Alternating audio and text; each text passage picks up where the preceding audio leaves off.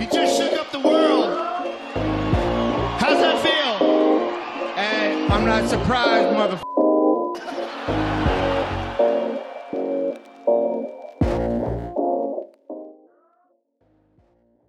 Liv Annika Sebbas. Mm. Sagt, det är ju första gången du och jag pratar i ja, via röst. Vi har, vi har Mm. sagt på, på Instagram och eh, du har bara exploderat på Instagram. Ja. Det, det är så här, vem är, jag är intresserad av att veta vem är du och liksom, jag tror att vi började följa varandra nu när du hade typ så här 8000 följare. Nu har Mm. du typ 22 000 följare och det har typ gått ett halvår. Och det är så bara, vem är den här människan? Du är väldigt öppen. Folk undrar om du pratar svenska. Bra svenska, det är ditt modersmål. Och det är så här, vem är, vem är Liv? Ja, alltså jag önskar ju att jag visste själv. det är nog en fråga som man kanske ställer sig en och annan dag i veckan. Men du har inte funderat så här, bara, vem är jag? Liksom, du, det händer mycket i ditt liv och vi har pratat lite grann om din bakgrund och sådär. Och, och du är väldigt driven och eh, du, du är en eldsjäl. Jag menar, du, du har bra content. Du är en jordnära människa. Vem, vem är du om du får försöka förklara? Ja. Tack så mycket till att börja med. ja, alltså vem är jag? Jag är liksom en, en person som är här och där. Jag har inga liksom, konkreta intressen utan en vecka så, så snöar jag in mig på att sy. En vecka så vill jag lära mig alla olika simtekniker. Liksom jag, jag, som, jag suger åt mig allting och så håller ungefär en vecka intresse och sen är det sådär, ja okej, men nu måste jag hitta något annat som är superintressant. Så jag är liksom här och var och överallt. Jag kan som inte, jag vet inte hur jag ska förklara vem jag är. Ja, men jag känner igen det. Det är ju lite ADHD-hjärna. ja, och vet du, jag tror jag har ADHD. Ja, du har inte utrett dig. Nej, jag skulle vilja göra en utredning, men alltså jag är 100% säker på att jag har ADHD. Ja, det, låter, 100%! det låter som det. Men tror du att det... Känner du att när du är så här typ vecka för vecka snöar in dig, att det påverkar dig negativt? Nej, inte egentligen, för jag lär ju mig så otroligt mycket. Eller liksom, här har jag tänkt att har jag ADHD och skulle få en diagnos, då skulle jag tänka att det är liksom min superkraft. Det är därför jag står där jag är idag. Mm. För att skulle inte jag ha det här sättet att tänka och det här sättet att liksom bli manisk kring mina intressen, så skulle jag inte heller liksom vara där jag är idag. Det är det jag som- tänker också. Att, eh, jag menar, om du, om, om du tror att du har ADHD och du tror det så starkt idag, lek bara Mm. med tanken att du har det. Säg Mm. bara, ja, men jag är liv, jag har en superkraft. Jag har inte Ja. den superkraften på papper, jag bara har den. Mm. Så tänker jag Ja, typ, om mig själv. Ja, och just som förr var ju så att när man har man ADHD så bara slåss man ungefär. Att då är du bara arg och slåss. Men här har liksom blåst upp så mycket och här har kommit så mycket information om just ADHD och ADD och hur kvinnor är med ADHD och så vidare. Så när jag började läsa på så har jag som förstått mycket mer i mig själv även om jag inte har fått en diagnos. Mm. Så det är så mycket lättare att acceptera som dåliga sidor med mig själv. Till exempel att, att jag kan inte riktigt få en uppgift gjord på en gång utan jag kanske börjar tvätta mina kläder. Mm. Och så tänker jag oj, nej men jag vill ju klippa av mina byxor till shorts nu då jag ändå håller på med kläder. Så klipper jag av ett ben på de där byxorna och så tänker jag oj shit, jag har ju inte ätit någonting nå än idag så är det nog bäst jag lagar mat. Och så börjar jag laga mat och så ligger det ett par byxor utan ett ben i ett rum.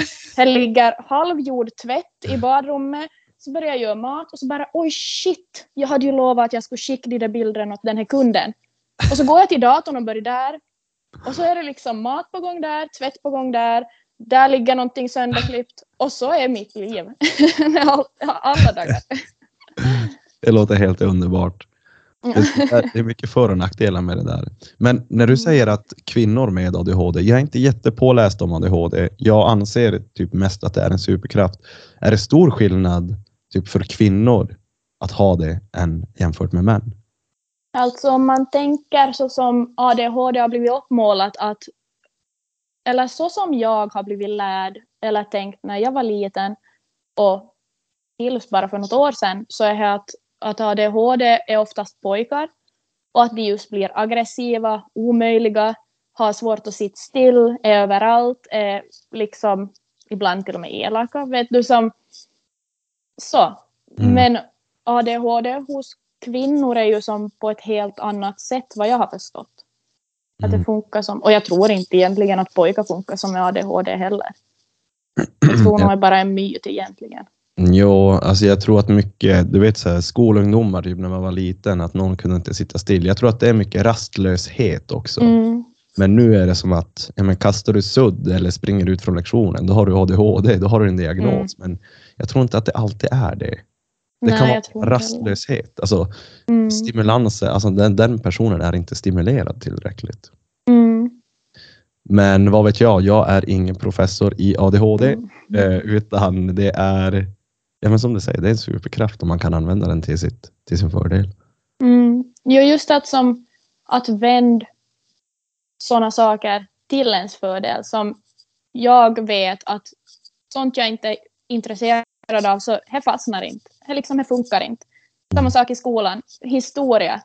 Jag satt och såg på läraren och liksom tänkt att, att nu, nu lyssnar du elev. Att snälla nu, nu. Nu förstår du exakt vad han säger. Nu minns du det här. Men så är det tio andra röster. Oj, det här vill jag göra sen. Så oj, ja, men oj, undrar hur det här funkar. Ja, oj. Och så, jaha, dit på han lektion och ingenting har hänt. Mm. Att sånt som inte jag är intresserad av, jag vet här nu. Här, fastnar inte. Mm. Inte en chans. Här bara som, här som en bubbla sådär. Och här som jag är intresserad av, så här får komma in. Ja, fan vad intressant.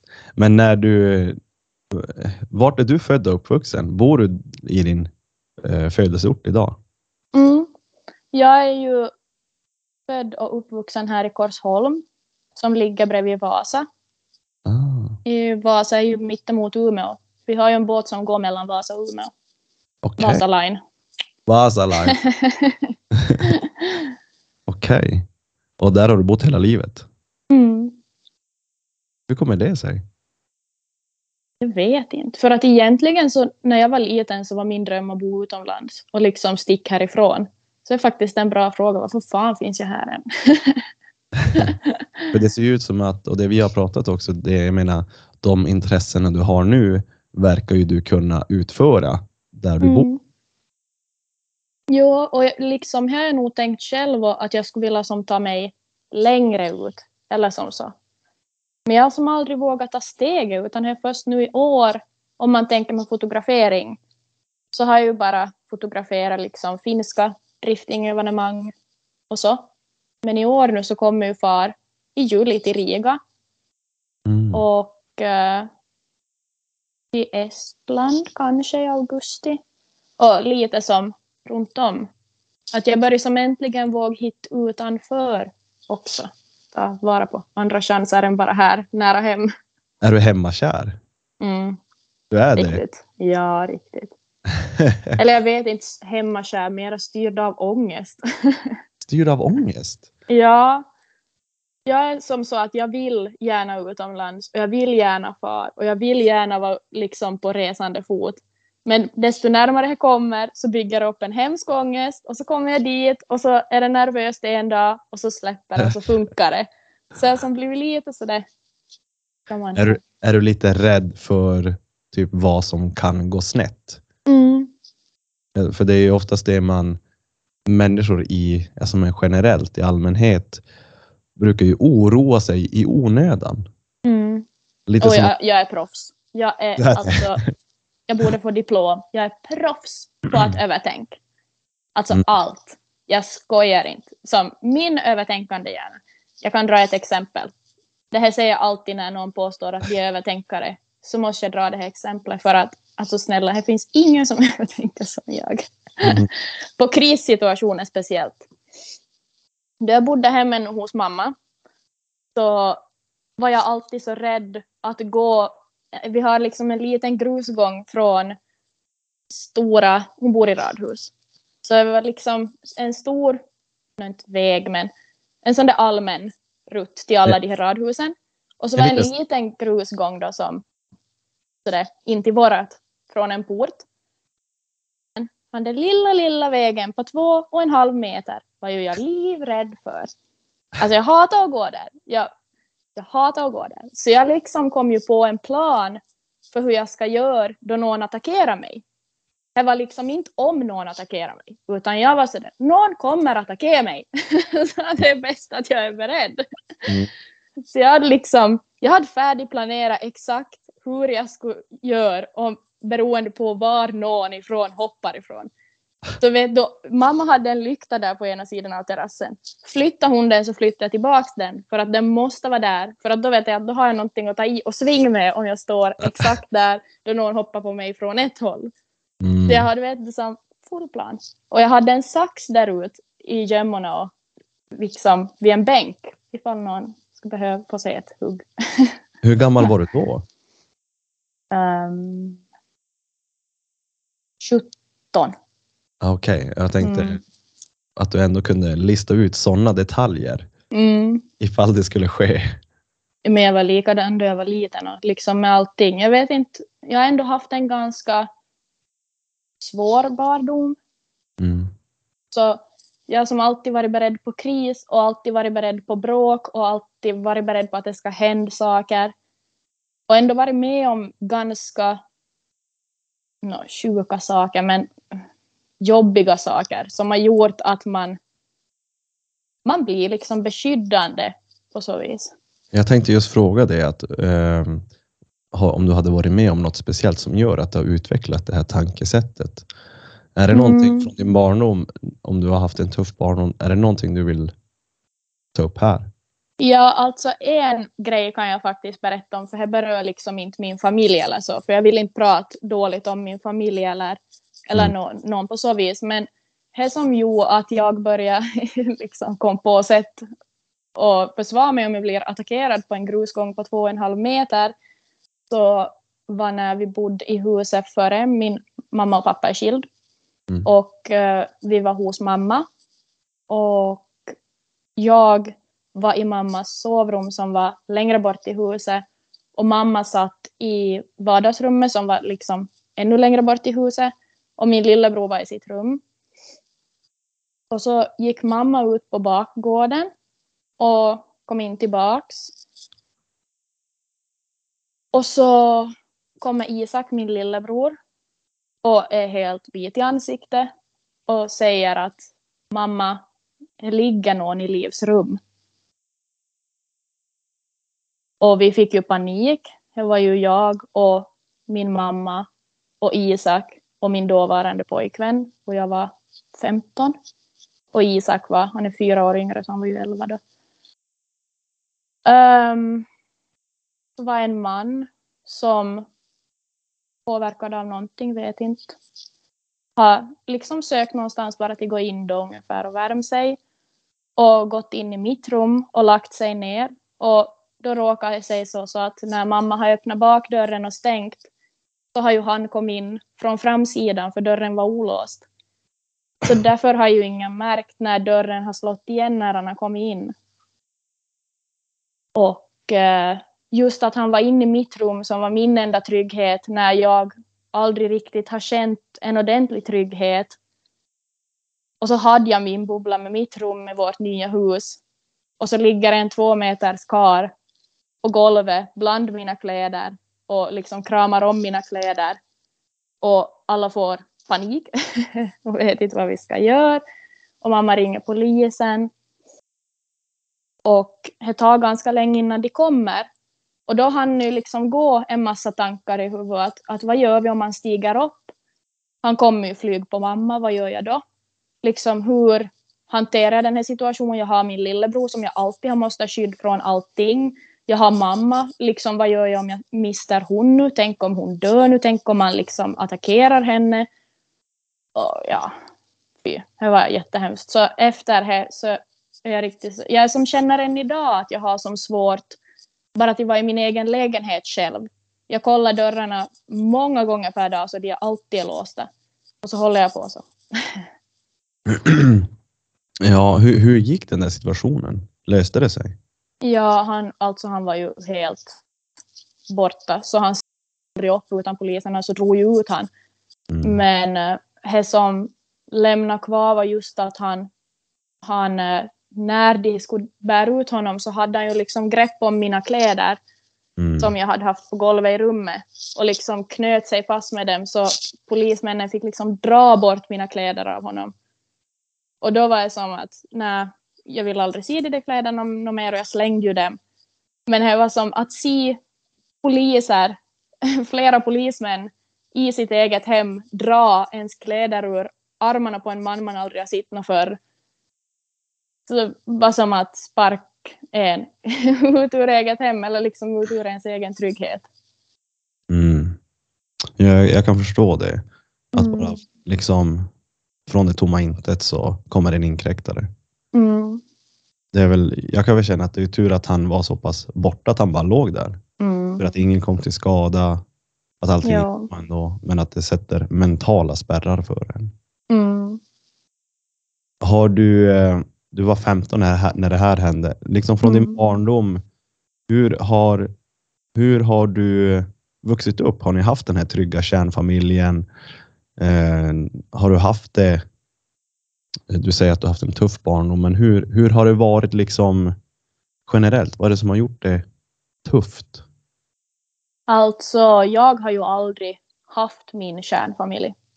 Mm. För eh, när jag var sju, jag gick i dagis ännu. Jag vet inte, säger ni dagis? Så? Ja, det, de har ju döpt om det till, nu säger man förskola. Men Förskola, eh, okej. jag, jag, jag, jag brukar säga dagis. Men jag Ja. förstår vad du menar när du också säger dagis. Du får avbryta mig ifall jag använder några konstiga ord. För här har jag tänkt på hela veckan att, att kommer någon ens förstå vad jag säger? Ja. Förstår jag så borde resten förstå. Jag är inte den smartaste. Ja, men åter till din fråga. Alltså, jag tror jag var sju, sex eller sju, så skilde sig min mamma och pappa. Och eh, vi flyttade därifrån. Och det var ingen fin skilsmässa, utan de stred som söta fan. Mm. Och vi barn hamnade emellan. Eller jag anser att jag hamnade emellan åtminstone.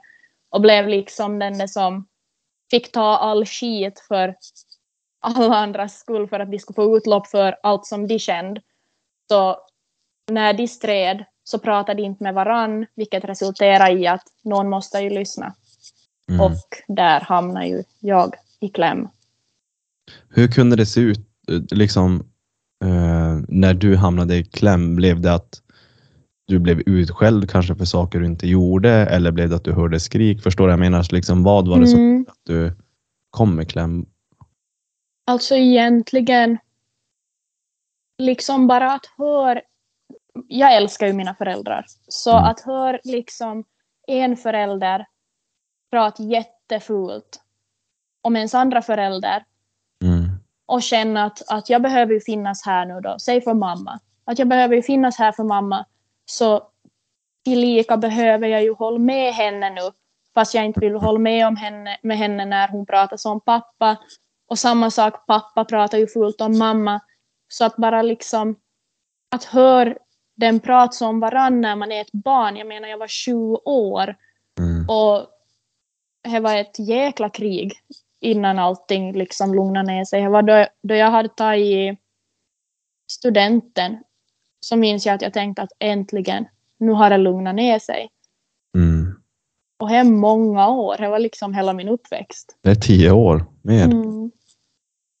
Eh, Efter, den här, efter att de skildes och gick separata vägar, hur fortsatte eh, ert liv, ditt liv? Var det så här varannan vecka eller hur, fortsatte det? Ja, alltså till en början så var vi knappt med pappa alls. Och det blev rättegångar och grejer. Jag är inte liksom så... En sida säger ett och andra säger annat. Så Okej. jag vet inte riktigt vilken version som stämmer. Jag förstår. Men till en början så såg vi bara pappa alltså två helger i månaden kanske. Mm. Jättelite i alla fall. Och så började vi någon gång se han mer. Då tror jag vi var från torsdag till söndag varannan vecka. Och sen så försöker vi oss på någon sån här varannan vecka-grej. Men han reste jättemycket i jobbet. Så det har som aldrig funnits en ordentlig rutin med. Jag minns faktiskt inte att jag någonsin skulle som, jag kan som inte säga som andra barn att nej men det funkar skitbra, vi bodde vecka vecka vid mamma och pappa, utan det har varit så här. Från Mm. månad till månad har jag kastat. Mm. Hur, hur eh, urartade din relation med både pappa och mamma? Nu säger du att ni var lite hos pappa, men hur var, hur var era band trots att de gick skilda vägar? Jag har ju alltid haft jätte, jättestarkt band till mamma. Mm. Jag vet inte om det har att göra med att jag är vet du, tjej. Att Mm. Som flicka har man då bättre band till mamma. Men jag har alltid varit jätte, jättenära mamma. Och med pappa, jag skulle nog säga att jag är nära pappa. Men inte alls på samma sätt. Men då igen så tycker jag att jag har blivit lik pappa mer i mina intressen. Mm. Och fånga liksom min personlighet. Eller byggt min personlighet mer kanske från hans håll. Mm. Eller kanske personlighet i intressen, men då är jag mera lik mamma i sättet. För att jag är jättekänslig och mamma är jättekänslig. Mm. Och pappa är liksom, du kan kasta vad som helst på honom, han rinner av honom som en gås. Och han, är, han är som, mm, du kan säga vad som helst, det är ingen skillnad vad du säger åt honom, så är det bara. Mm. Ja. Hur var, gick skolan bra för dig? Jag menar, du säger att du förmodligen har ADHD. Liksom, jag kan tänka mig att det händer mycket när man är så liten. Eh, Mm. Liksom, föräldrarna går separata vägar och du får ta, motta mycket och sen ska skolan skötas. Hur, hur funkar allt det? Inte alls. inte alls. De, in, de liksom ämnen som jag var intresserad av så hade jag ju toppbetyg i. Mm. Musik och, och konst så har jag alltid haft högsta betyg i. Alltid. Mm. Och det var, det var de dagar som jag ville vara i skolan. Men alla de andra ämnena i perioder så var ju, var ju till skit. Jag menar om du inte sover någonting för att alla bara bråkar och du springer hos en psykolog från skolan liksom mitt i dagen från lektioner från en ämnen du inte är intresserad av så hur ska man lära sig då? Mm. Fick du gå till psykolog när du var liten? Mm. Ja, ända sen jag var, ända sen de skilde sig så hamnade jag och spring hos psykolog. Ah, Okej, okay. var det, hjälpte det dig? Mm, mycket. Jättemycket. Jag, jag skulle nog inte vara den jag är idag och så förstående som jag är. Om inte jag skulle ha måste lära mig från jag var 20 Mm. hur människor fungerar. Och varför jag känner som jag känner. Och att jag inte ska behöva känna så. Mm. Ja, precis. Hur löste, hur löste du skolan? Alltså jag vet inte. det var nog det var ungefär som när man hade moped när någonting gick sönder så tejpade man ihop med silvertejp och hoppades på det bästa. Här liksom min skolgång. Det var nog bara in i sista sekund att jag kom ut från skolan. Ja, det är så roligt att du jämför med, med eh, mo- mopeder. Körde du moped när du var... Ja, eller jag hade en, en Vespa. En Ah. Yamaha Aerox. jag saknar den än idag. Ni körde Vespa där borta. Uh-huh. Var det så där typ att, för här, jag är uppe från, ja men jag är ju från Kiruna och men bor nu i Luleå, men där uppe så var det mer att körde man moped, då var man lite coolare. Vespa, det var så här bara, men vad fan. Ja, alltså tillika så var jag nog så här också. Men eh, jag hade ändå så cool liksom Vespa. Jag hade som en sån lite bättre. Och jag var ju med de här pojkarna och trimma mopeden i smyg så att jag var Mm. liksom accepterad i alla fall. Och på vintrarna körde vi bara skoter så då var jag ju som något helt annat. Ja, för nu när du säger det, för den här, den här Aeroxen och så kommer det någon med en hel svart, svartröd Aerox, supertrimmad och Mm. drar förbi ens Yamaha eh, DT50 man hade som också var trimmad. Man bara okej, Mm. ja ja, du vinner, du är lite coolare. Mm. Jo, alltså dessutom så är jag alltid umgåtts med bara pojkar. Så som flicka umgås med bara pojkar så får du skinn på näsan och då ska du nog veta exakt vad du håller på med. Så det var ju liksom, jag fick inte ligga i medelmåttan med pojkarna som hade halvsnabba mopeder utan jag var ju som, jag skulle ha en av de snabbaste för annars fick jag inte vara med. Fan, vad, är det storstad? Alltså Vasa är ju nog ganska stort men Korsholm är ju som... Ja, vad ska jag jämföra med? Det är som, alltså Korsholm är ju bondvischan och Vasa är ju finare folk. Ja, okej. Det är som en förort då alltså. Mm. För det, Korsholm, det är ingen egen stad eller? Nej, en kommun. Okej, en kom- okej. Ja. Mm. Right, jag tänker just för det, när man är uppväxt i så här mindre städer så vet det är som en viss jargong. Mm. Lite grann. Åh, det är så roligt att du nämnde det, uppväxt. Den här, äh, de brukar ju kalla eh, tjejer som typ inte är rädd att få skinn på näsan och hänger mycket med killar, den här pojkflickan när man var liten. Ja, alltså jag hade ju kort hår och Mm. jag var ju jätteintresserad av, av snöskotrar. Pappa håller ju på med dragrace och jag har ju själv kört lite också. Så det var ju liksom mopeder då på somrarna och så var det snöskotrar och dragrace på vintrarna. Och så allt där nu emellan då vad man nu hittar på. Mm. Har, men då har, du, då har du kanske fått som du sagt det där intresset, motorintresset från pappa och uppväxt med det säkert från det att du var en liten flicka bara. Ja, alltså jag fick ju min första snöskoter när jag var tre år av tomten och det är ju bästa dagen i hela mitt liv. Så du kan ju tänka dig, har man börjat så, så finns det ingen återvändo. För det är ju någonting du, vad jag kan se, brinner för oerhört mycket idag. Det är bilar, det är motorer och det är drifting. Mm. Ja, Alltså men- allt som går på maskin. Allt. Det, det är helt otroligt för att jag tycker att det är fascinerande för att jag önskar ju att jag typ förstod ert intresse. För jag Mm. ser inte det. Ja, Okej, jag tycker att jag kör själv en fin BMW. Jag tycker att ja, men BMW är fina bilar. Det är kul att åka snabbt och sådär. Men när Mm. det kommer till just typ jag menar att kanske börja hänga på bilträffar, att gå på tävlingar, att börja skruva. Ja. Jag ser inte så här. Jag vill bara förstå vad ni ser. Det är det bästa jag vet. Alltså det finns ingenting som slår. Jag vet inte hur många gånger som jag och min pojkvän har sagt då att nej men att ikväll ska vi fara ut på stan med kompisarna eller ikväll måste vi nog hitta på någonting med någon. Och sen så kollar vi på varandra och bara fast eh, ska vi gå ut i garaget? och så lämnar det där. Och så han jag är inte alls lika duktig som han. Så jag står ju där med vidöppna ögon då han förklarar och plockar isär sin växellåda och jag är som i himmelen, det är som det bästa som finns. Jag har aldrig sett liksom en växellåda i en driftingbil och så står jag där och får se precis allt som finns där inuti. Så jävla roligt. Jag ser att du lyser verkligen upp när du berättar. Så jävla härligt. So call me a bummer. I don't wanna be that way anymore. This life that I've been living, living without color, ain't a life worth living. Hey. Du och jag pratar ju också, när vi ändå pratar om din, ditt förflutna. Eh, för du är ju väldigt öppen på Instagram Mm. om, om egentligen allting. Eh, och du nämner ju också eh, där någon gång att du har haft ätstörningar. Mm. Jo. och när, när började det för dig?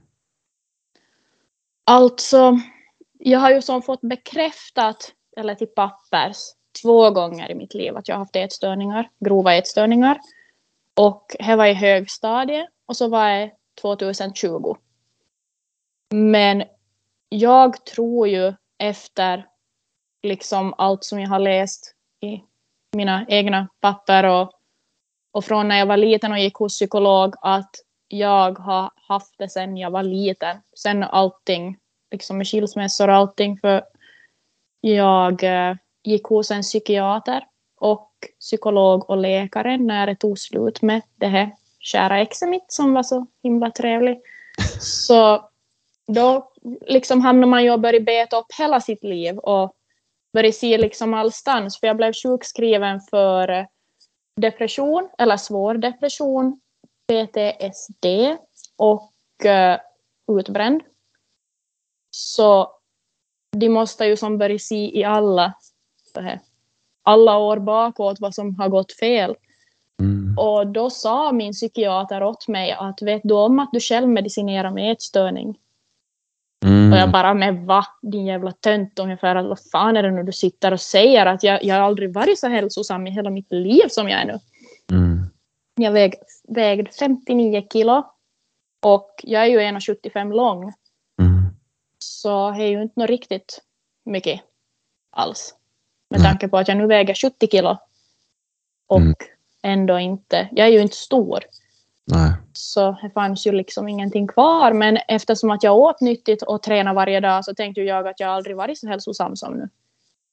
Men problemet var ju här då att, att eh, det var ett sätt för mig att hålla kontroll över mitt liv för att det var det enda jag kunde kontrollera. Mm. Och så var jag när jag var liten också.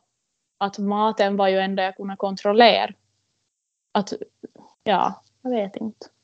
Så i efterhand när jag tänker på det så hade han ju absolut rätt. He, liksom ätstörningar så, och som hade tänke så kommer alltid när jag har det som absolut jobbigast. Mm. Så jag måste som ta kontroll på något vis över alltihopa med det. Det låter jättekonstigt men För de säger väl just det. Jag har haft något avsnitt också med människor som haft ätstörningar. Det är någonting som aldrig försvinner. nej, jag kommer aldrig bli av med. Aldrig Nej. någonsin. Men jag måste ju lära mig att hantera hur hur jag inte hamnar i den där sitsen igen att, att jag inte äter någonting på en hel dag. Mm.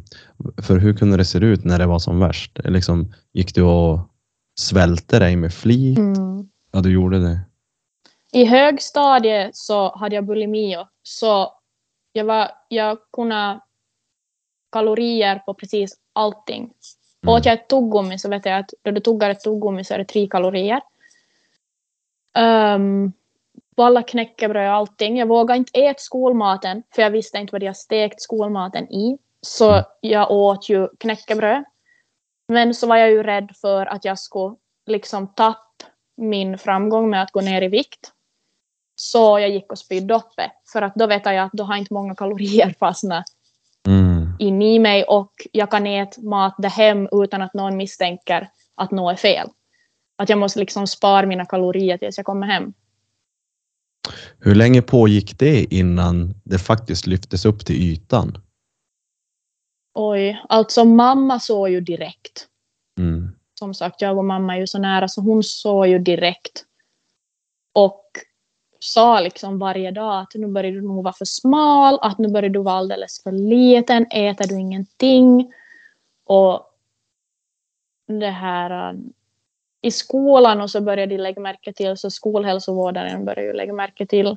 Så jag pratade ju mycket med henne. Där ett varv så fick jag gå och dricka mjölk med socker i till skolsköterskan. Mhm. Mm. Så nog, liksom, de märkt nog, men ovetskapen om hur man hanterar ätstörningar så gjorde ju att, att man som hittar kanske inte riktigt någon hjälp heller. För jag menar om mamma säger då att nu måste du börja äta och så säger jag jo, jag lovar. Och så äter jag bra där hem. Och så far jag till skolan, äter bara ett knäckebröd och spyr upp och kommer hem och äter ordentligt igen. Och mamma frågar har du ätit i skolan idag? Och jag ljuger och säger ja. Mm. Så det är ju som så svårt att få fast liksom. För när man är i en ätstörning så, så hittar man ju alla vägar för att få sitt fast. Jag, jag önskar när jag hade ätstörning nu på nytt att jag aldrig skulle komma ur det. För att jag vill inte gå upp i vikt. Mm. Jag liksom satt och önskade att snälla säg att jag inte kommer att vilja bli frisk. Det är ju jättekonstigt. Liksom, alla andra sjukdomar så önskar du bara att du ska bli frisk och du söker ju hjälp för du vill ha hjälp. Mm. Och jag var så rädd att någon skulle liksom ta fast mig i det och söka hjälpen åt mig för jag ville ju inte ha någon hjälp. Mm. Och sen sa du att det hände igen 2020. Mm. Vad var det exakt som hände då, när det urartade sig igen? Jag var i ett förhållande som inte var ett bra förhållande. för att när det tog slut då med det här exet Mm. så kände jag att, att jag var ju som, jag har aldrig varit så ensam i hela mitt liv. Att jag måste ha någon. Och jag tänkte ju att nu har jag levt i ett skitförhållande så, så länge. Och jag har städat upp efter en vuxen jättebebis. Så jävla länge. Så nu är det liksom min tur att hitta någon. Nu måste jag som bara få hitta någon. Mm. Att jag kan inte vara ensam. Jag klarar inte av att vara ensam med mig själv, utan jag måste hitta någon. Och tänkte att jag är ju redo eftersom att jag tänker så. Mm. Och började dejta då en kille. Och han hade då just kommit ur ett långt förhållande. Och vi hade det bra. Han är jätte, jättesnäll. En helt otrolig människa. Som inget fel alls på honom. Men ingen av oss var ju redo Mm. Så vi liksom bara så det. Bara rann ut. Om du får kolla tillbaka på just hur du hanterade ert uppbrott med den här äh, jättebebisen som du säger. Har du, hur ser du på det idag? För att jag kan tänka mig att du kanske ser på det annorlunda, att du hade hanterat det annorlunda idag. Mm, absolut. Jag skulle ju ha måste vara ensam till att börja med. För att jag har ju fått börja ta tag i alla demoner nu. Mm. Efter jag dejtade den här killen. Då, då bara blundade jag för allting och tänkte att allting är okej. Och liksom. Jag hanterar ingenting så som man ska hantera saker. Utan det var panikångestattacker och extrem ångest. Och jag liksom bara blundade och tänkte att äh, skitsamma. Jag festade hela tiden. För att mitt i festande så då var ju inga problem. Jag liksom kung på dansgolvet, kunde prata med vem som helst, ingen ångest. Och så direkt alkoholen började avta, superångest. Mm. För det är det som är med verkligheten. Det finns, jag, jag, det är ju så att det finns ju en verklighet där ute, liksom hur, har, hur, hur man har betett sig, vad man har fått gå igenom. Om man Mm. inte tar tag i den så kommer den att hemsöka dig någonstans lite längre fram. Mm. Jag menar, som du säger, man, man oftast efter ett förhållande så blir det ju att man känner sig ensam, tristess, Mm. man vill ha någon annan och man kanske rusar in i någonting Mm. nytt fast man inte är redo. Men, det, men man bedövar ju bara den här verkligheten och känslan som senare kommer att komma Mm. och ge en en, en käftsmäll. Ja, absolut. Och, och just som jag var så tömd och dränerad och tom. Så jag var ju som törstig efter såklart. att någon skulle hålla om mig. Liksom bara he, för hade jag inte fått på så länge. Jag hade bara fått skit och skit och skit och, och liksom nedtryckt till botten. Som, jag var inte värd inte ett skit. Så liksom bara, är det att du måste bara ha någon. Du måste bara få någon som håller om dig och du måste liksom bara någon som finns där och någon som tyvärr blir den som tar emot då allting som man behöver komma över.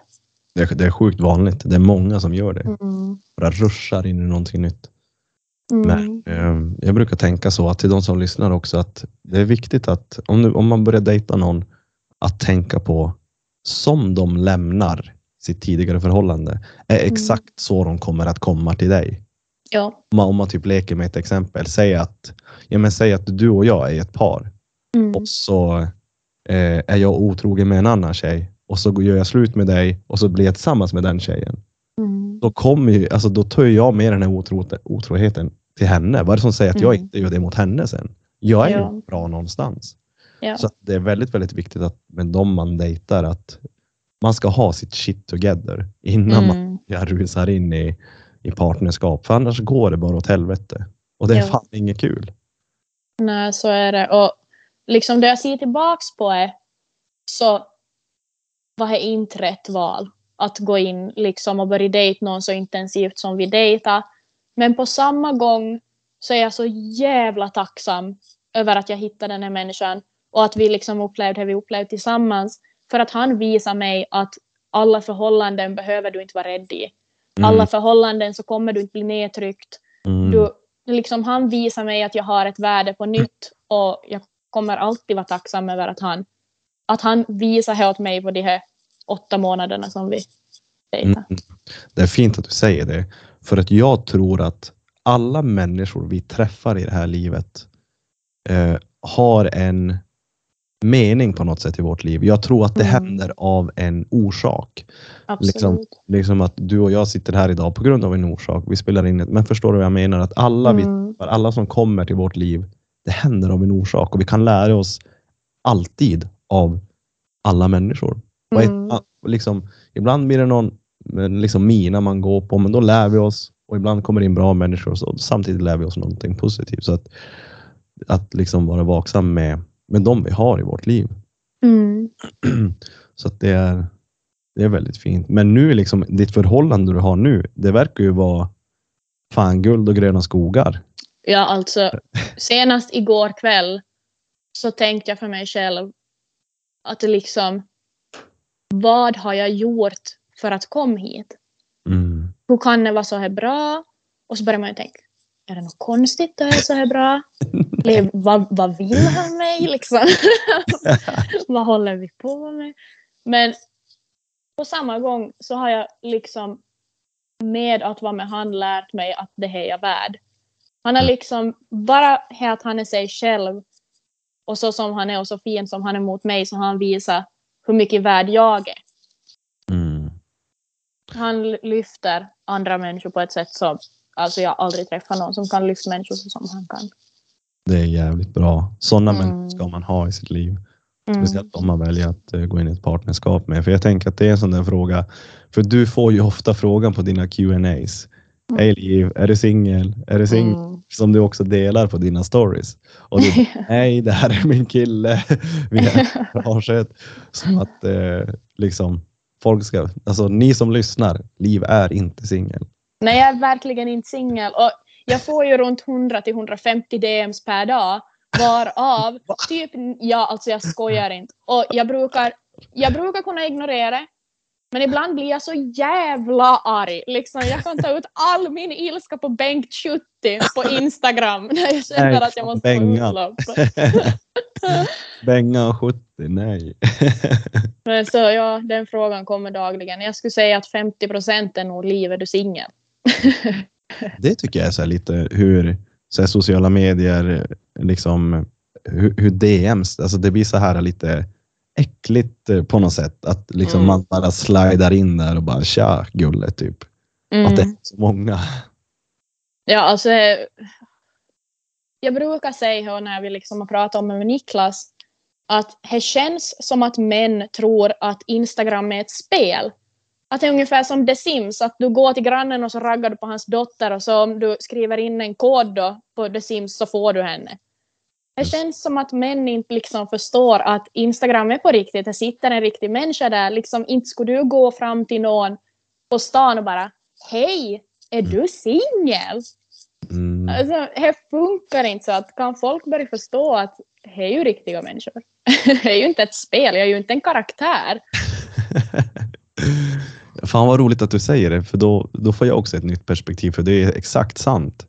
Liksom när du drar den jämförelsen också. Att det är som att vi, det händer ju någonting typ i dagens samhälle just med, med sociala medier, att man, det är som att vi, jag vet inte, vi tappar oss själva. Som du säger, att är det så där du gör om du går ut på stan också? Nej, Mm. förmodligen inte, men bakom den här telefonen Mm. så är det som att vi agerar helt annorlunda. Jag tror nog som tillika att det har att göra med att internet börjar ju inte som ett chattforum eller som ett ställe där man tar kontakt med andra människor, utan det börjar ju med spel Mm. och okej kontakt liksom med e-mail och jobb. Men det börjar ju med spel och, och eh, karaktärer och allt sånt här. Så jag tror att det lite har som att vi är mitt i en sån där utveckling att man ser som inte riktigt skillnad på Mm. en Disney-figur och en Instagram-tjej med många följare säg nu. Mm. Att man som förstår inte att ha samma respekt för någon för att du ser bara bilder, du ser liksom inte Mm, människan. jag vet inte, svårt att förklara, men jag tror att det är att, att man som inte... Man bara förstår inte att det skulle kunna vara din systerdotter eller det skulle kunna vara din kusin Mm. eller eh, din flickväns kompis. Mm. Det är det jag tänker också. För att eh, som sagt, jag, jag började följa dig typ när du hade ja, men, typ 8000 följare och idag har du typ 22 000. Och det, Mm. har du, när, när du liksom kör Instagram, har du liksom med vilje velat att följarbasen ska växa eller har det bara blivit av sig själv? Alltså egentligen bara blivit av sig själv. Det var ju... Jag har ju alltid älskat att fotografera. Alltid. Och så blev det liksom ännu mera intensivt det här intresse. Och jag frågade runt av mina kompisar, vill ni modell? Liksom, vill ni ställa upp på foton? Jag vill så gärna liksom lära mig editera, jag vill fotografera. Nej fy fan, jag vill inte vara på några bilder. Fy fan, fråga någon annan. Så var jag sådär, okej, okay, men fine, ingen vill ställa upp på några bilder. Så köpte jag en sån här uh, fjärr, fjärris. Jag vet Mm. inte vad det heter. En sån liten kontroll så att du kan ta bilder själv. Ah, okej. Liksom ställa kameran på stativ och så kan du ta bilder då själv via den här kontrollen. mm. Och så började jag ta bilder, editera. Och så bara small en gång. Och så växte liksom upp till, vad nu var då, 4000 kanske? Bara jaha, okej. Och så fortsatte jag med det liksom, jo, och tänkte nu inte mer på det. Och började visa upp lite mera liksom bilbilder och sånt. Och så liksom smalla en gång till och så bara jaha okej, 10 000 liksom vad fan ska jag göra nu? Alltså måste jag som börja tänka på vad jag säger? Måste jag typ börja bete mig? Mm. Eh, Vem är jag? Kan jag visa liksom att jag är en halvraggare från Korsholm? För att så ser det ju kanske inte ut på mina bilder. Så bara äh vad fan, skitsamma. Och så small en gång till och så gick jag upp i 20 000 och så bara aha okej. Alltså måste jag nu kanske börja bete mig? Men jag känner som på samma gång att jag börjar bara med ett intresse för fotografering. Ingen vill ställa upp. Jag börjar ta bilder på mig själv för att får lära mig att editera. Och så går jag bara hem och så får man som ta allt som kommer med då bara sen. Och orkar man inte se på det så hej då. Mm. Det, är så, det är så fascinerande att du, alltså liksom när din följarbas växer, att du ändå ställer dig de frågorna till dig själv. Mm. Okej, 10 000. Hur, hur måste jag agera nu? Måste jag Mm. tänka på vad jag säger? För jag tror att det är lätt hänt att det blir så. Mm. Att shit, vad fan, hur ska jag nu typ passa in? Eller får jag säga, får jag vara mig själv? Liksom Mm. att man, det, det, det är fascinerande att du är medveten om det. Ja, alltså absolut. Och, och många gånger så blir det ju nog som... Nu säg nu att jag spelar in en Snapchat. Det är ju många gånger som jag laddar upp någon sån här fånig Snapchat där jag är sarkastisk och sånt på story. Mm. Men nog tänker jag tre gånger innan, vem kan bli sårad? Vem kan ta illa upp? Mm. Eh, Sånt måste man ju börja tänka på gentemot om du har ett låst konto med 300 följare och det är dina kompisar. Mm. Att jag kan som inte säga vad som helst eller tycka vad som helst och ibland får man tona ner och lite. Och, så det är ju Mm. lite synd men på samma gång så vill man ju inte trampa någon på tårna om man vill inte såra någon. Så Fast det, det är ju inte ditt problem. nej, Att, så är det ju. Jag menar, vad du, din content, om du har en öppen, det är det som också är med sociala medier. att vi, Jag tycker inte att vi ska bli sura. Så om jag kollar på dig och så blir jag sur på det, det, Mm. det du lägger upp. Det är fan inte mitt problem. Jag behöver bara blunda. Jag behöver bara scrolla vidare. Sen har jag Mm. en bra dag. Jag behöver inte hetsa upp mig. Det är Nej. klart Liv ska få vara sig själv. Det är Mm. din jävla Instagram-sida. Låt Mm. henne vara i fred. Ja, alltså om alla bara skulle tänka så. Och jag har tänkt många gånger, och jag vet inte hur många gånger jag har liksom skrivit ett snällt meddelande när det kommer något hat då att eh, som just mycket får jag att att slut bete dig som att du skulle veta någonting om bilar. Slut bete dig som att du liksom skulle vara från landet. Du är ju bara en jävla stadsfitta. Att vad fan tror du att du kan någonting? Att Ja. springa här och liksom tro så mycket om dig själv. Så brukar jag skriva bara, vet du vad? Att så här blockerar du någon på Instagram. Om du gör det så kommer jag aldrig komma upp i ditt flöde igen. Tack och adjö, ha en fin dag. Det är som inte svårt. Jag menar om du inte vill se på mig, om du inte vill se på bilar, så följ inte då. Gå fan in på Magda 30 då som odlar sina jävla blommor och så håller du käft. Det är inte så jävla svårt. Ja, det, det är exakt. Det, alltså, jag tror också att när du, jag menar, du har skinn på näsan, men jag tror att du, det blir säkert ett steg längre att när man får det här näthatet, att liksom Mm. varje dag kunna se, men vad fan, alltså fan det är någon som typ vill mig illa. Jag, inte, jag känner inte ens dem. Att jag, Mm. jag tror att det är, det är klart man, man ska ju typ bara skratta åt det och bara gå vidare, men jag tror att man tar åt sig ändå på Mm. något sätt. Det är svårt att blunda för allt. Ja, alltså vissa dagar. Om jag, alltså jag har som i perioder att jag mår sämre. Jag har egentligen jättedåligt självförtroende. Så i perioder så om det är riktigt dåligt och jag känner att, att jag vill inte synas någonstans, jag vill inte att någon pratar med mig, jag vill inte, jag vill inte ha någon kontakt med någon, jag vill inte visa mig själv, jag vill som inte att någon ska se hur värdelös jag är. Och så kommer en kommentar då att, att nej men att mycket är ju om mitt utseende. Mm. Mycket kommer ju liksom att nej men du var mycket finare när du var ljus, du var mycket bättre när du var så det smal, att, att ätstörning passar dig mycket bättre och, och fan och hans mor, "Äh, du ska inte hålla på med bilar du som är tjej och, och vem fan tror du att du inte kan du utan att foton, inte kan du någonting. Då tar man ju åt sig. Och, men de dagar som jag liksom, eller när jag har bättre perioder och inte bryr mig så är det ju sådär. Men skojar du? Alltså, jag har någon gång skrivit att tack för att du tar dig tid att hata åt mig. Tyvärr fastnar inte. Ha en bra dag. Mm.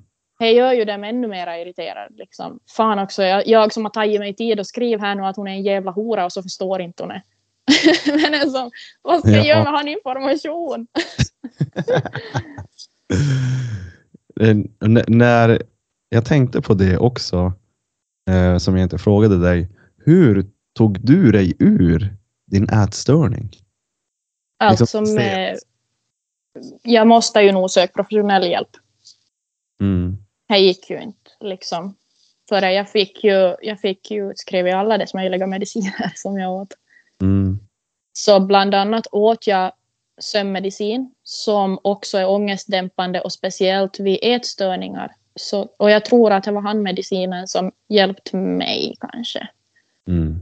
Tog som bort alla de här idiotiska tankarna. Och så skiftade jag ju fokus och började träna istället.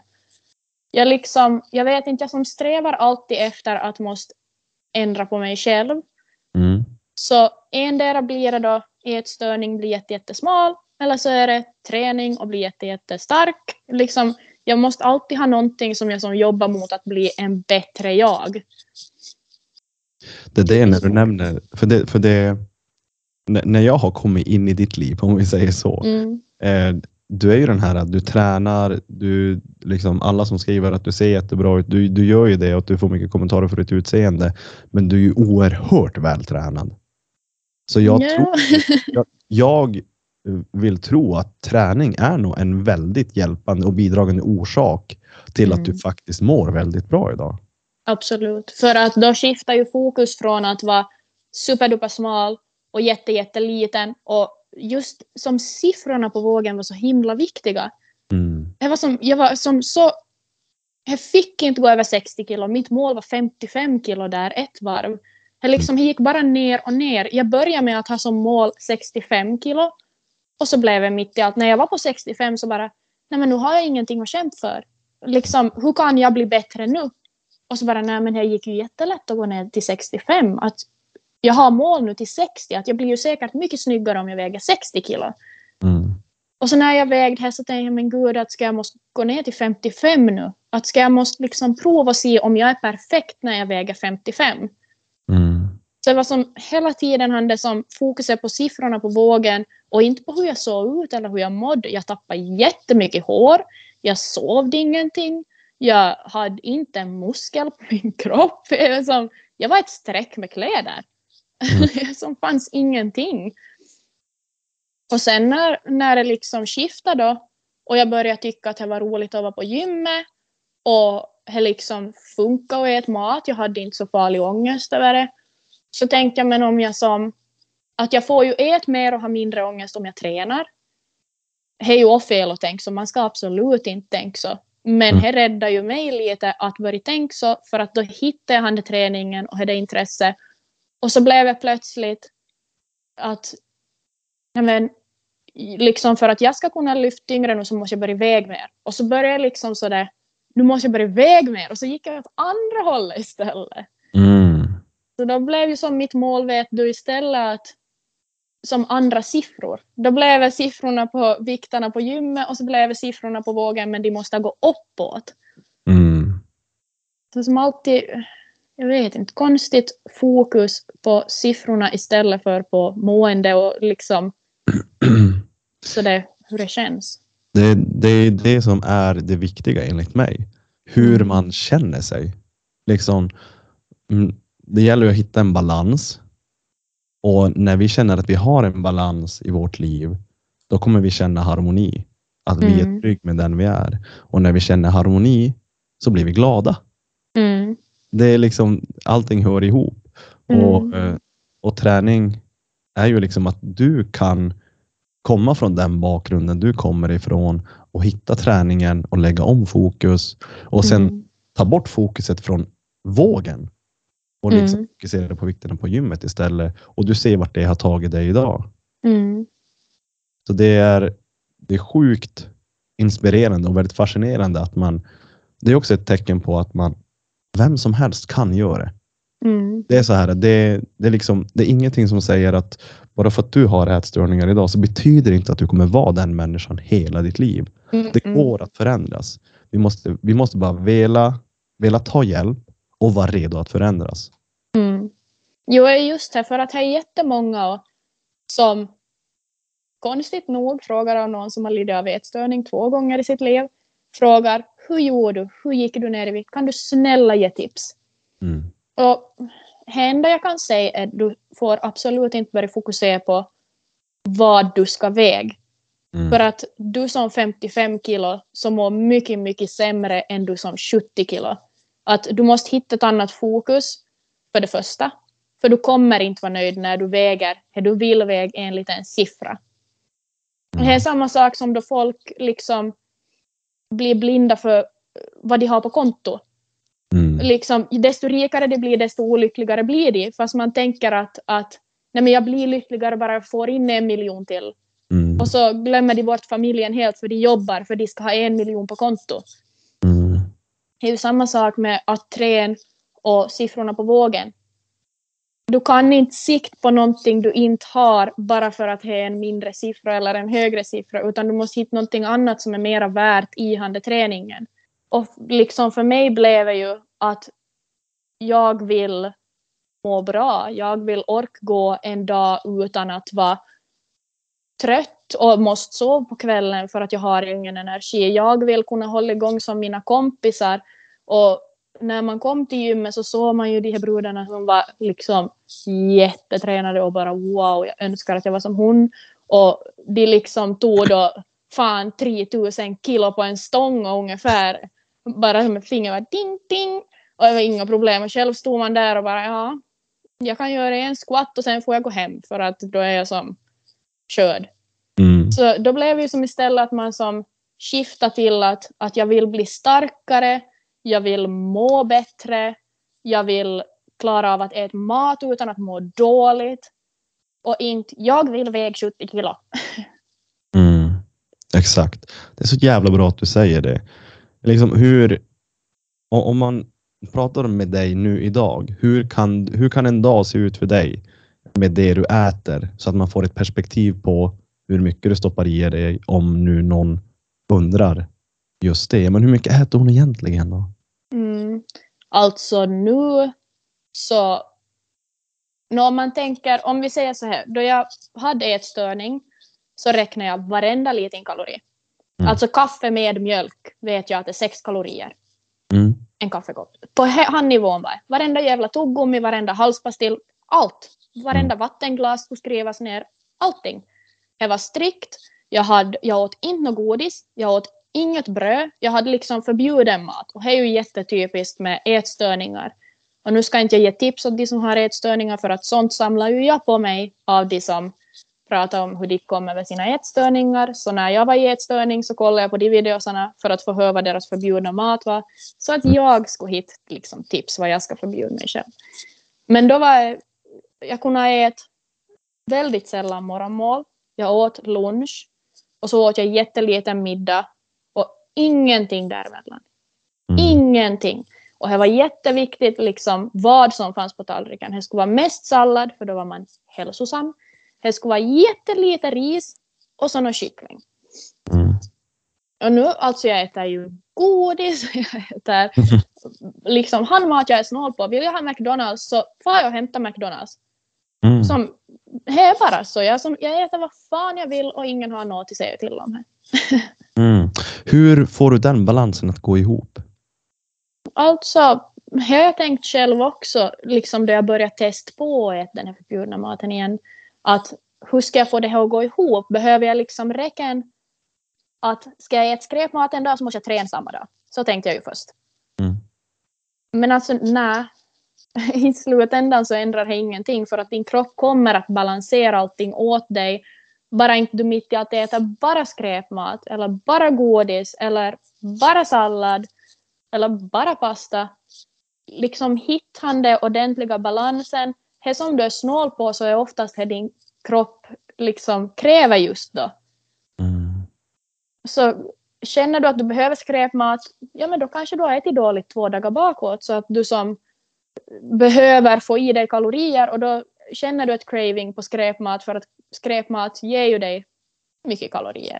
Mm. Jag tror det funkar lite så, eller jag lever på handtanken att är jag snål på godis så finns det fan en orsak och då ska jag ha mitt jävla godis. Ja, för det, för det är ju så här att, eh, att ha ett cheat meal kommer inte eh, sabba dig. Men att sätta det i rutin är det som kommer fucka upp det. Så att, Mm. att, att ta liksom, att unna sig ibland är inte skadligt för dig. Så länge du Mm. inte sätter det i ett system så att säga. Mm, Jag försöker Exakt. tänka exakt samma som du. Jag äter, ju, jag äter ketogenkost. eh, mm, Vilket är inga kolhydrater. mm, Men, och så frågar folk, ja men hur fan klarar du dig? Hur klarar du dig? Liksom, äter du aldrig något godis? Hur, hur strikt är du egentligen? Jag kan, känner jag typ torsdag kväll, eh, jag, du, en vanlig torsdag, vad fan händer på en torsdag? Inte så mycket. Känner Mm. jag, precis som du Liv, men fan, det hade varit gott med typ 100 gram Marabou-choklad. mm, Då åker jag faktiskt och köper det. Så att, mm, eh, liksom, att säga att jag kör ketogenkost, ja det gör jag, men jag unnar mig. Jag väljer mina snedsteg, förstår du vad jag menar? mm, Och de, de blir inte ofta. Men när jag känner att jag typ, jag kan ta det, då väljer jag att ta det. För det kommer Mm. inte att fucka upp typ min morgondag eller helg eller vecka, utan jag klarar av det. Och, och det får mig här uppe att må bäst. mm, Liksom då mår jag bäst mentalt. mm, Att kunna känna att jag har den här balansen med mig själv. mm, För att jag har ju ingen mål att vinna en fitnesstävling eller ha jättelite fettprocent på kroppen eller väga si och så, utan jag vill bara må bra. Jag vill kunna mm, funka och jag vill kunna, Ja. jag vill kunna fungera även när jag är 50, även när jag är 60. Mm. Jag vill inte hoppa på kryckor när jag är 60 för att jag är överviktig eller någonting sånt, utan jag vill kunna ta hand om min kropp nu med träning, med bra kost och så där för att, och sen vara funktionell livet ut. Det, Mm. det, det är mitt mål liksom. Jo, det är absolut som man ska tänka. Alltså, huvudmålet ska vara att må bra. Och då Mm. måste du välja, mår jag bra som 100 kilo? Mår jag bra som 70 kilo? Mår Mm. jag bra som 150 kilo? Jag menar, det finns människor som är stora, som mår jätte, jättebra, som äter jättehälsosamt, men deras ämnesomsättning så funkar som man funkar. Och de är lika fina som de är, precis som en jättesmal människa är lika fin som hon är, precis som medelsmal, liksom vilken jävla form du än är. Jag menar, är du en jävla fyrkant eller en trikant så är du fin. Liksom, vad vad du vill, men sköt om dig och ha som mål att du ska må bra. För att, Mm. att sikt efter samma vikt just som en elitidrottare, han gör inte något annat än tänker liksom på, det är hans jobb. Det är Mm. hans jobb att se ut så. Du som en vanlig människa kan inte sträva efter att vara fan 50 kilo med 20 procents fett på kroppen. Som, det funkar inte så. Nej, Nej exakt. Det är, alltså den, den mentala hälsan skjuter ju, den mentala ohälsan skjuter ju också mycket nu i höjden. Vi Mm. mår sämre än aldrig förr. Och liksom, Mm. vad beror det på? Ja, men då måste, jag tänker att man, precis som vi har pratat om Liv, att man skifta om ditt fokus. Lägg fokus på det egentliga problemet. Mm. Alltså problemet är kanske inte typ den där godisskålen på lördag eller att du trän missade en träning på måndag. Fokusera på vad får dig att må bra egentligen. Mm. Det är det det handlar om. Vi, Mm. för det, är, det är inte kul att vara deprimerad eller ha Mm. ångest. Det är fan det värsta som finns.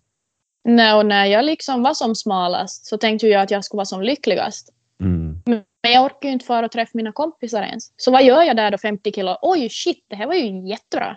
Liksom, gud vad jag mår bra. Jag orkar inte göra någonting. Jag sover hela kvällen och jag får bara upp i jobb och direkt jag kommer från jobbet går jag och sover. Jag tappar allt mitt hår på huvudet. Liksom, vad ska jag göra med det? Vad ska du göra med att se ut så? Hur kan det vara ett mål? Hur kan det vara viktigt? Hur kan det vara någonting man strävar efter? Mm. Vad gör du med det? Mm. Nej, det, det är så jävla viktigt att känna att man har den här harmonin och balansen. Mm. Sjukt viktigt. Ehm, jag tänker också Liv, du sitter nu, nu kommer inte lyssnarna se vårt videosamtal, men du sitter med en, är du sponsrad av Red Bull? Nej, gud nej. Vet du, det här är min absoluta favorittröja. ska man ju inte tro med tanke på vad jag har på mig på mina bilder. Men det är alltså Team Red Bull i Formula, Formel 1. Ja, hur har du fått den?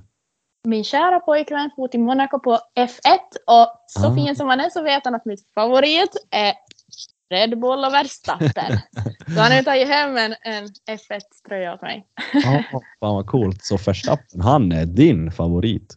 Mm. Såg du i fjol när han eh, gick om Hamilton? Ja, det är en stor snackis. Jag har fått mycket skit för mina åsikter kring det. Har det det? ja. ja, det är. Det är nu på senare dagar jag börjar kolla mer F1 och inse att Verstappen, han är jävligt duktig.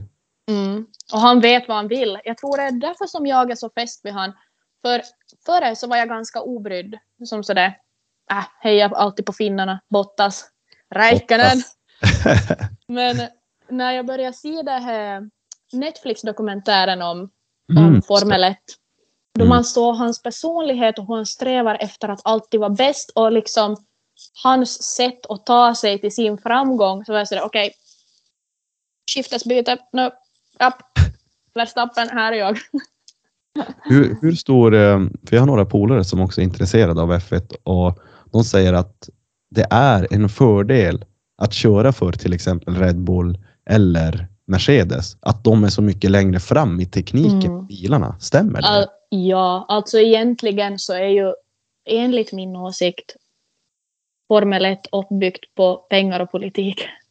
Alltså, ja. Om man tänker bara liksom eh, Hamilton nu då, hur han låg i topp i fjol.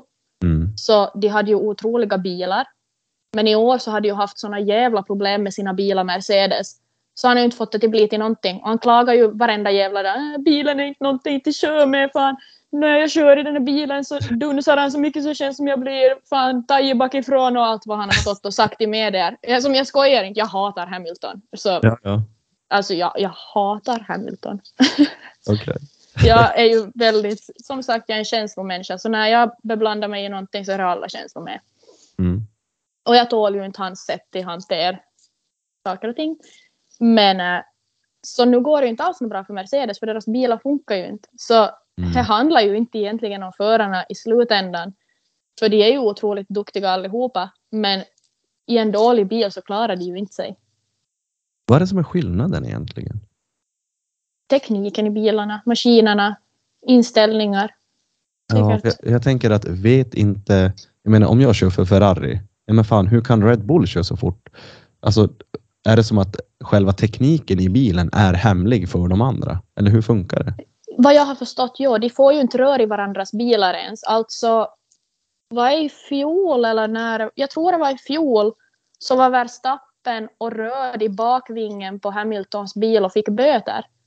Mhm. Om jag minns rätt. Ja, Men är liksom, är jättestrikt. De får inte alls beröra sig i några andra stall eller någonting.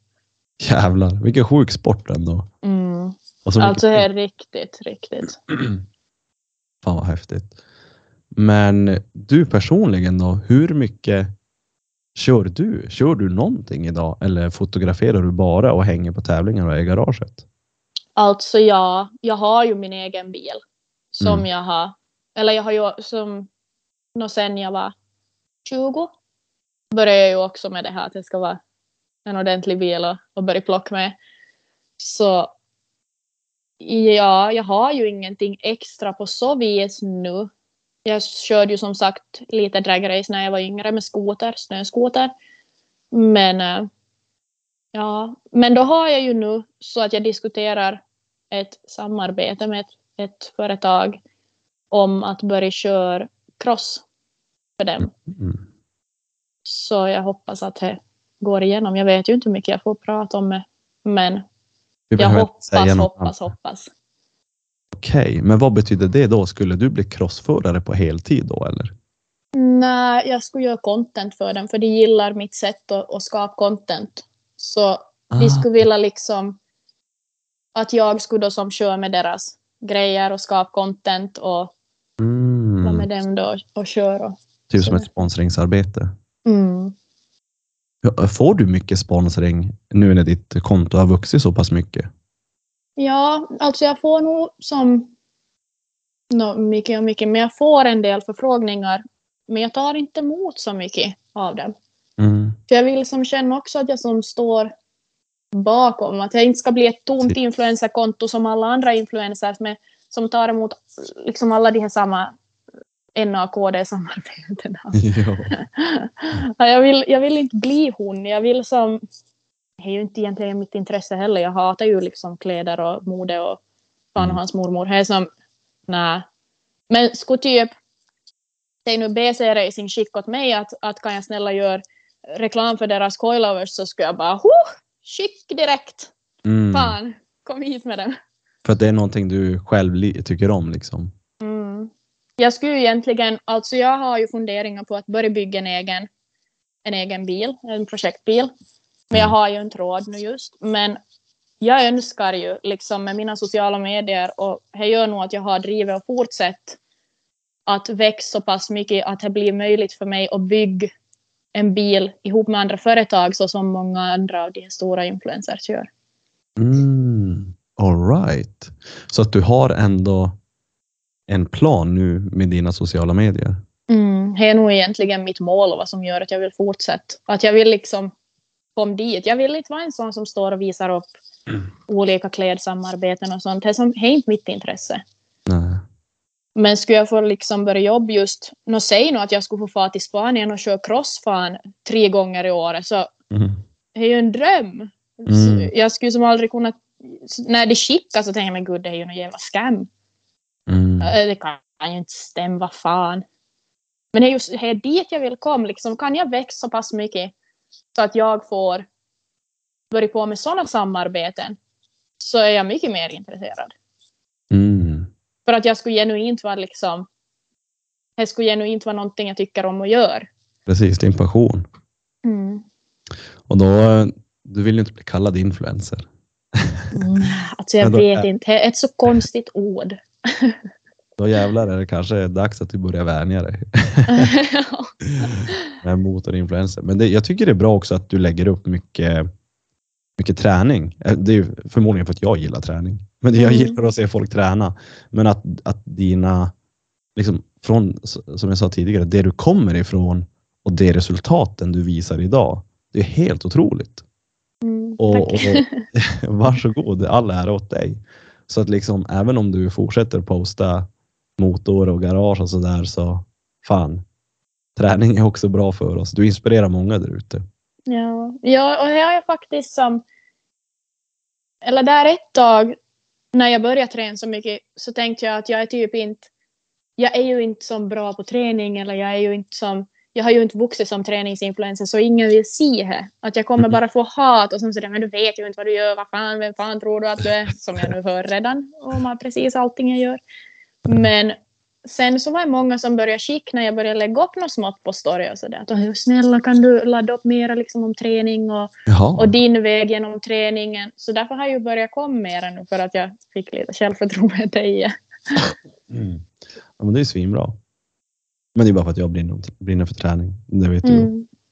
Men, ehm, ja, men fan vad roligt. Då är det ju liksom, då har du ju din, din plan har vi ju nu också fått höra. Mm. Liksom att fortsätta växa, att kunna... Kan du säga typ att din dröm är egentligen att kunna leva på din passion? På fotografering.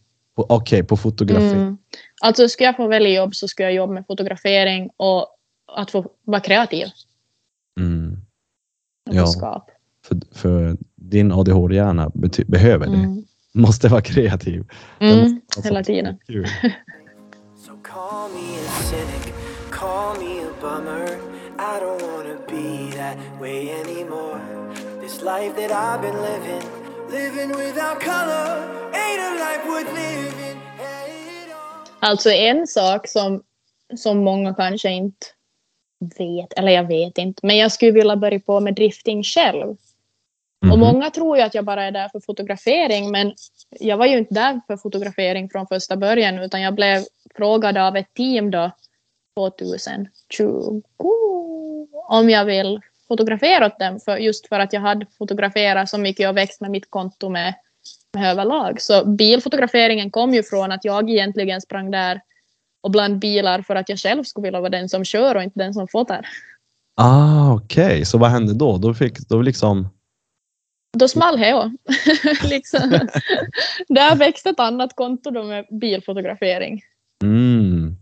Något jag också tänker på, för jag fick en dille. Jag köpte en systemkamera, en Sony. Ja, det kanske är fel märke, men, eh, men något jag tänker typ som är svincoolt när det kommer till fotografering.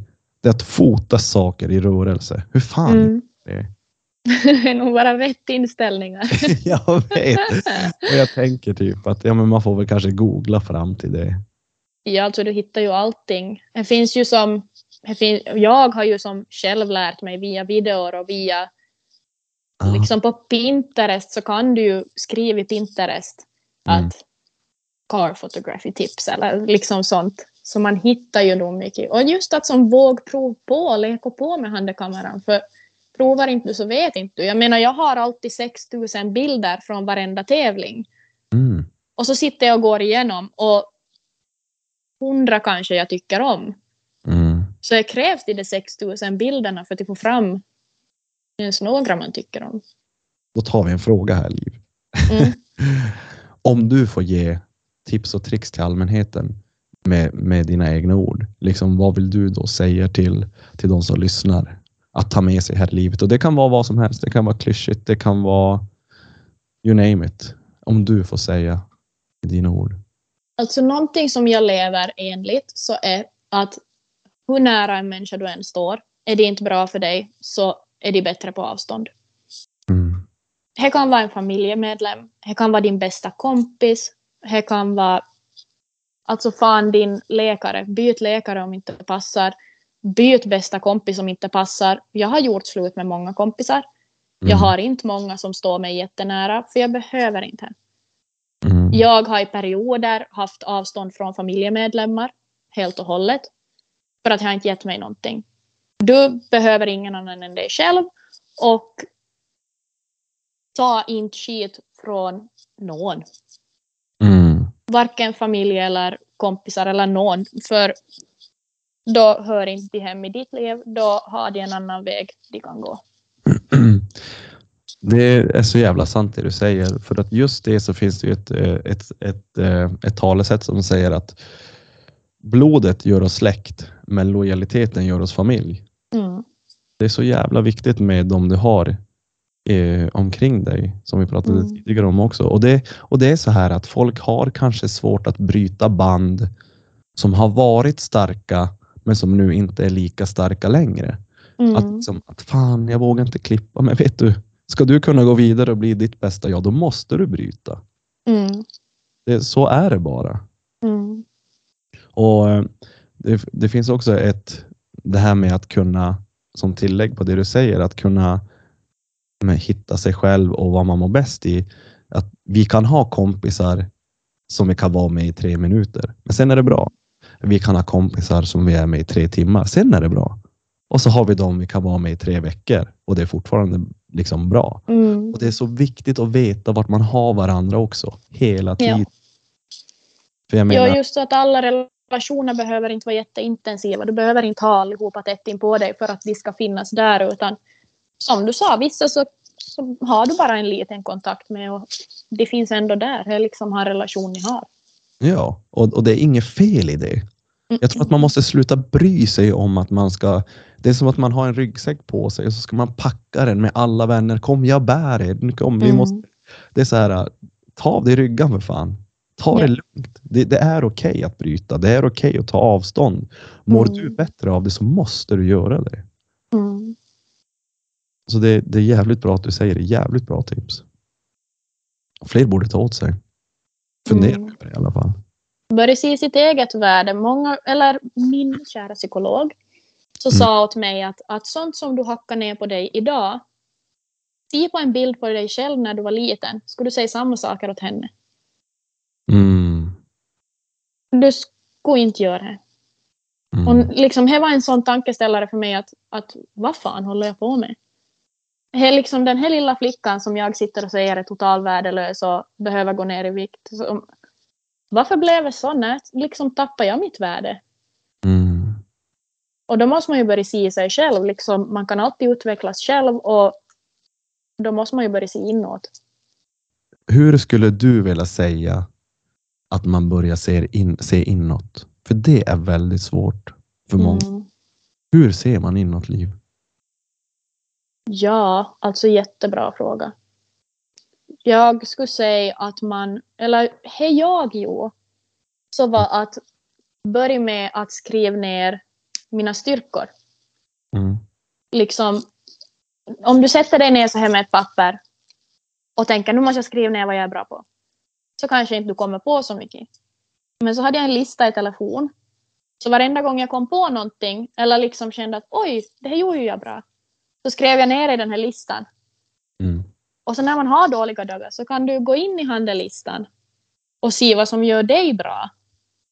Istället för att tänka att, att nu är jag så dålig, det här blir inte någonting. Och, nej men då har jag en lista och jag har med bilder, jag kan lägga in bilder där liksom att, att just den här dagen, den här bilden, så tyckte jag blev superbra. Jag är så duktig på liksom, fotografering. Mm. Så han dagen jag känner att jag kan inte det här överhuvudtaget, jag ska sluta helt och hållet, så kan jag se att nej men jag har ju faktiskt tyckt annat, att nu är det mitt, mitt huvud som spelar mig ett spratt. Att Mm. nu måste jag börja tänka efter vad, vad jag sitter och tänker om mig själv. Varifrån kommer de här tankarna egentligen? Och liksom bet ner liksom pusselbit för pusselbit att varför känner jag som jag känner nu. För många så lämnar ju bara och liksom känner så här hela kvällen och är frustrerad och jättearg. Och så vaknar man upp nästa dag och så är det bort. Mm. Och så kanske du känner så om en månad på nytt. Istället för att där i stunden beta upp varför känner jag så här? Varifrån kommer de här tankarna? Vad är det som gör att jag tänker så här? Mm. För att inte hamna där på nytt. Helt, ja, helt riktigt. Mediterar du någonting? Ja, alltså till en början då när jag kände att jag måste börja göra någonting så försöker jag mig på, men jag kan ju inte ligga still. Och jag kan inte sitta still heller. Liksom, när jag målar mina tånaglar så måste jag sitta och koncentrera mig på att sitta still. Okej. För att annars springer jag runt. Jag liksom målar dem och så bara oj, men jag skulle kunna hämta posten för jag har ju glömt idag. Och så pickar man i skorna och så bara helvete, nu är skorna full med nagellack. Jag kan inte sitta still, inte fan en sekund. Så sitter jag på en matta och ska meditera så sitter jag och skruvar mig och vänder mig och börjar på på mattkanten och bara hmm. jag kan inte alls, det funkar inte alls för mig. Men du har ju för fan suttit still i en och en halv timme nu. Men har du inte märkt hur jag skruvar mig och påtar på filtar och Ja, påtar på kläderna? Du har suttit på samma ställe. Är helt otroligt. Men jag sitter ju fast i en sladd då. Ja, det är det. Jag har det i koppel här med podden. Ja, fan vad, ja, men fan vad bra. Jävligt bra tips och tricks. Och liksom, som du också nämner, att det är så jävla viktigt att belysa att våga ta hjälp. Våga Mm. söka professionell hjälp. Det är, och, och som du också nämnde att är det, man kanske inte går till rätt psykolog i början, men våga byta. Men våga framförallt prata, våga söka hjälp. Mm. Det är en bra början på att Ja. ta itu med problem. För då lyfter du lite ansvar om dig själv på någon annans axlar. Mm. Och när du mår som sämst så kan du inte bära ditt eget ansvar. Då måste du börja lägga på någon annan. Om det så är på professionell hjälp eller liksom berätta åt någon av dina föräldrar. Men att någon liksom bär det här ansvaret över dig själv med dig. Mm. För det, det, det som det som i alla fall när jag gick till psykolog, vad som fick mig att hjälpas, det är det att man får ett annat perspektiv att se på saken. Mm. Man lär sig att se sina problem på ett annat sätt. Mm. Och det var för mig helt bara wow, all right, nu kör vi. Mm. Och att man vågar känna. För att här sa min psykolog åt mig att Liv, du behöver inte alltid vara glad. Att är du medveten om att glad är ju inte enda känslan som existerar. Och då var jag sådär, ja men det är sant, jag måste inte alltid vara glad inför alla andra. och Jag måste inte alltid finnas där och jag måste inte springa efter allihopa som, alltså ursäkta mig med världens bästa uttryck, som ett fittlöst får. Mm. jag säger det hela tiden för jag tycker det är så jävla bra. Men som jag förklarar exakt hur jag har gjort hela mitt liv. Jag har sprungit efter alla som ett fittlöst får. Alltså som att jag inte skulle ha några hämningar. Det är ingen skillnad hur jag känner. Alla andra ska bara liksom lyftas och jag ska göra allt för dem. Men kanske jag vill vara ledsen i en vecka. Då är jag för fan ledsen och ingen kan säga någonting om det. Mm. För det är också en känsla. Man får vara arg och man får vara ledsen och du får vara deprimerad. Men det du liksom måste förstå är ju att sträva efter att komma ur det Mm.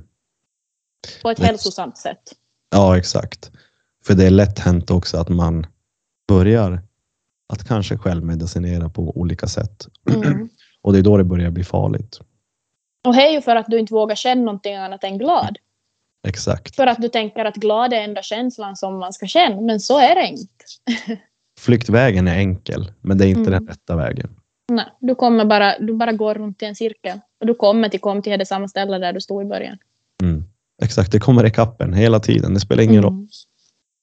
Men vet, det här, är- det här var din podd oskuld. Nu kommer alla rad, eller motorpoddar och fotopoddar och höra av sig när de säger att du är aktuell där ute. Så att jag hoppas att det, jag hoppas att det går bra för dig. Ja, tack. Och detsamma. Ja, tack. Eh, en, en sista grej bara innan, innan vi, vi lägger på här. Eh, de som lyssnar, vart hittar man dig? På Instagram på Liv Annikas och Liv Annikas Photography om man är intresserad av motorsportbilder. Det är Mm. mitt fotograferingskonto. Och ja, jag har ju en hemsida och livannikas.com men där är ju alla de här, jag gjorde, eller min lillebror har gjort en hemsida åt mig. Mm. Han håller ju på med, med sånt för Ja. fotograferingens skull. Så, så att förare och sånt ladda ner bilder därifrån från evenemang. Så Mm. det är ju samma bilder egentligen som på, på den här Livannikas fotografi. Jag vet inte. TikTok. TikTok. Men jag är så jävla värdelös på TikTok. Ja, men, det, men du går under Liv Annikas under alla sociala medier. Ja. Det är bra. Till, eh, till alla lyssnare och till dig. Jag vill bara tacka för att vi gjorde det här. Fan vad roligt att få lära känna dig nu på, på ett bättre sätt och, och se vem du är bak i, bak i din content. Ja, ja, tack själv. Det har varit jätteroligt att vara med. Så Hoppas att, du får ett bra avsnitt. nej, men det är su- superbra och eh, som sagt jättefascinerad över din resa och eh, det kommer gå bra för dig. Du, du verkar väldigt jordnära. Du, du påminner dig själv liksom trots att dina sociala medier växer. Du påminner dig själv om vad som är viktigt, vad som får dig att må bra.